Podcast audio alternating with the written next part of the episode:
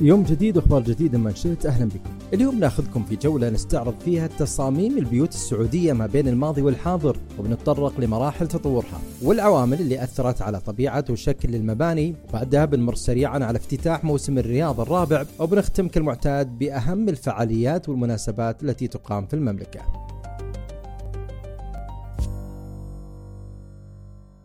ذكر وزير الشؤون البلدية والقروية والإسكان ماجد الحكيل أمس في تصريح صحفي بأن هناك توجيه من القيادة بأن تكون جميع مدن المملكة ذات هوية عمرانية واضحة وموحدة.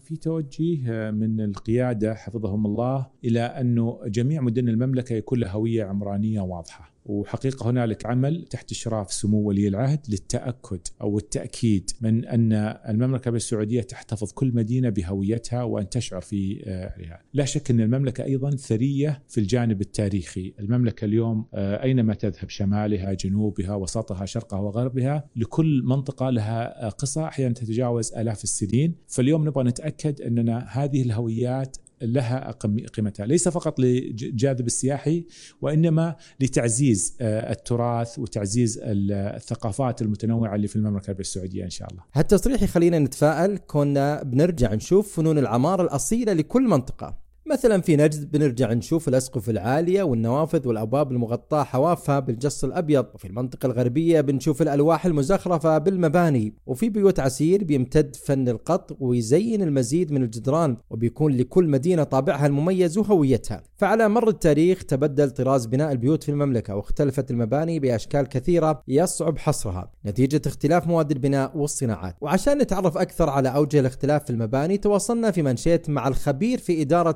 موارد البيئة الدكتور علي بن عمر الصلبي أستاذ في جامعة الإمام عبد الرحمن الفيصل. ونسأل الدكتور عن تصاميم البيوت السعودية قديما وبماذا كانت تتميز في ذلك الوقت.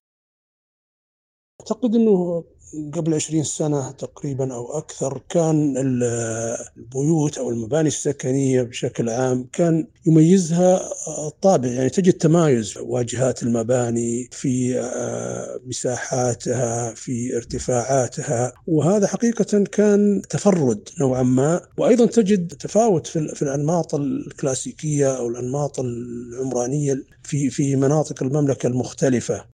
طيب دكتور علي مع التطور الحاصل في مجال البناء والعمران كيف تشوف تصاميم وأنماط البيوت الحديثة وكيف تغيرت من ناحية الشكل والمساحة؟ أعتقد أنه البيئة الجغرافية لم تعد المؤثر الحقيقي يعني في نمط المباني أو في التميز اللي كان حاصل أنه المبنى السكني يصمم وفقا لمعطيات الموقع يختلف في المناطق الجبلية أو المناطق ذات الطبيعة التضاريسية المتمايزة يعني فيها ارتفاعات فيها انخفاضات عن المناطق الساحلية أو المناطق المستوية. الآن مع تنامي عدد الشركات التطوير العقاري وتنافس المطورين العقاريين في الاستئثار بأكبر قدر ممكن من الوحدات أصبحنا نرى نوع من النمطية، نوع من النموذج المقولب اللي أصبح تراه يعني في على مستوى الحي السكني، على مستوى المجاورة، على مستوى المدينة، أيضا يمكن على مستوى المناطق تجد المناطق في تشابه كثير في أنماط المباني السكنية، أصبح لدينا نمط واحد مكرر على امتداد البلوك السكني، لم يعد هناك ذاك التمايز، اعتقد أيضا أن المساحات تقلصت أو تضاءلت إلى يمكن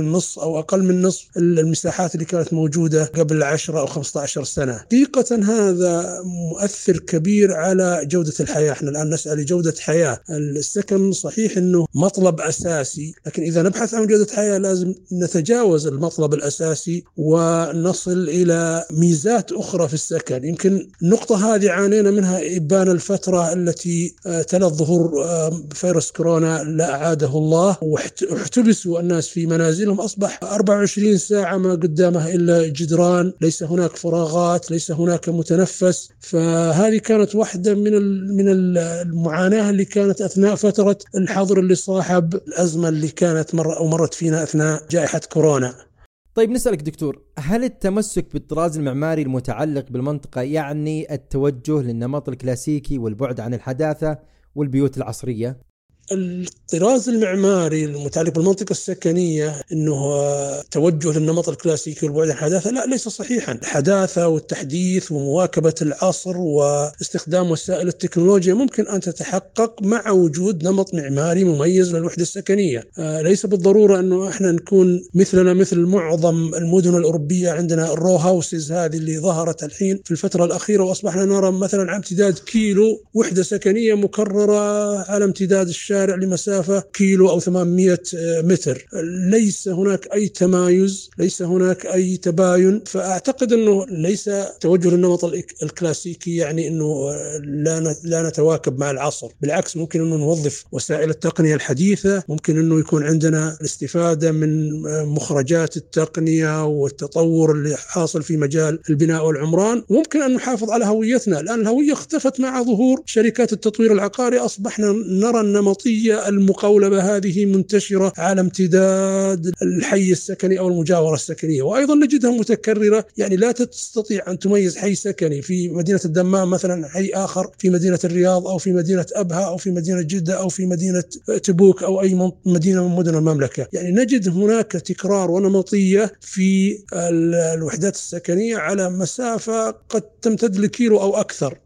طبعا للبيئة الاجتماعية تأثير كبير في كيفية اختلاف البيوت بين الماضي والحاضر ومو بس تغير على مستوى الشكل الخارجي واختفاء الهوية بل تغيرت حتى في سلوكها الخاص وطريقتها في الحياة وعاداتها وتقاليدها وأفكارها وثقافتها وخصوصيتها. عن هذا التأثير تحديدا جاوبنا الأستاذة أسماء المطبقاني الأخصائية الاجتماعية في تطبيق لبيه من الجانب الاجتماعي كان المنزل السعودي قائم على الأسرة الممتدة بمساحته الواسعة تجمع أبناء العائلة بزوجاتهم وأبنائهم وأحفادهم.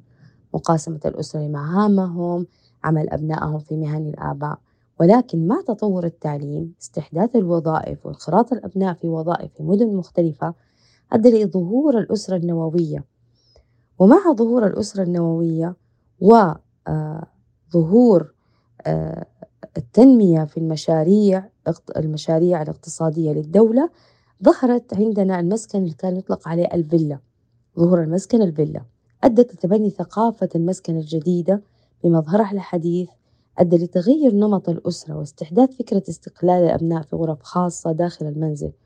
وتطور التقنية الحاصلة أصبح كمان انفراد الأبناء في غرفهم أظهر لنا دور آه، جديد على عاتق الوالدين. هي كيف قدرتهم على متابعة أبنائهم آه، وحمايتهم من هذا التطور السريع. واستعادة العلاقات الأسرية وجمعهم مرة أخرى. طيب أستاذة من المعروف أننا نمر بتغيرات اقتصادية ملحوظة ولها دور كبير في التأثير على العديد من القرارات. حابين نعرف كيف أثرت هالتغيرات على نمط البناء والمسكن وسلوك المستهلك في المجال العقاري؟ عامل غلاء المعيشة وعامل ارتفاع أسعار العقار مع ما لا يتناسب مع متوسط دخل الفرد. أدى لعزوف الناس عن شراء الفيلا. هذا أعطى المطور العقاري توجهه إلى فكرة الشقة. هنا ظهر لنا تغير جديد في أولوية المستهلك واختياره لمسكن أصغر يوفر له مكان مريح يجمع بأفراد أسرته. وكمان توجهه لفكرة تنظيم وتحديد عملية الإنجاب وبحثه عن طرق تمكن من استعادة التجمعات العائلية التي فقدها مع هذا التغير الحاصل. أدت لظهور فكرة الاستراحات والمنتجعات والتجمع في المنتزهات العامة أو المطاعم تكون مكان يجمع أفراد العائلة الواحدة هذا النمط الجديد يضعف بطبيعته ارتباطنا بعاداتنا وتقاليدنا لكن يظهر لنا عادات ومفاهيم جديدة مختلفة في فكرة الارتباط الأسري آه، ترتبط بالمناسبات العامة والمناسبات الموسمية كالأعياد وما إلى ذلك.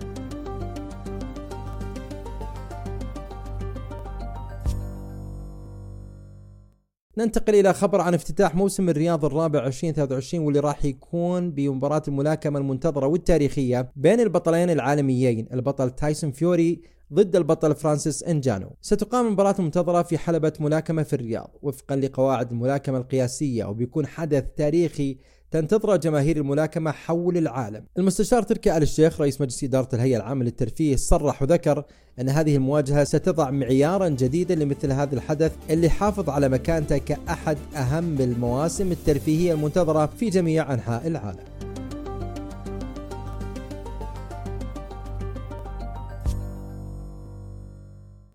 في الختام خلونا نعطيكم نبذة عن أهم المناسبات والفعاليات التي تقام في المملكة. يحتضن مركز القصيم الدولي للمؤتمرات انطلاق معرض رشفة وحلا للقهوة والشوكولاتة 2023 خلال الفترة من 13 وحتى 16 من يوليو الجاري. يعتبر أكبر المعارض المختصة بالقهوة والشوكولاتة على مستوى المملكة. أما في فندق الفيصلية في الرياض فتتواصل فعاليات معرض مامي أند مي اللي يربط العلامات التجارية بعملائها المناسبين ومهتمين بكل ما يخص الأم والطفل ويمثل تجربة تسوق فريدة من نوعها من خلال العروض التوضيحية الحية والخصومات الحصرية. إلى هنا وصلنا لختام منشيت لهذا اليوم وعدنا نتجدد معكم يوم الأحد المقبل. إجازة نهاية أسبوع سعيدة نتمناها لكم. مع السلامة.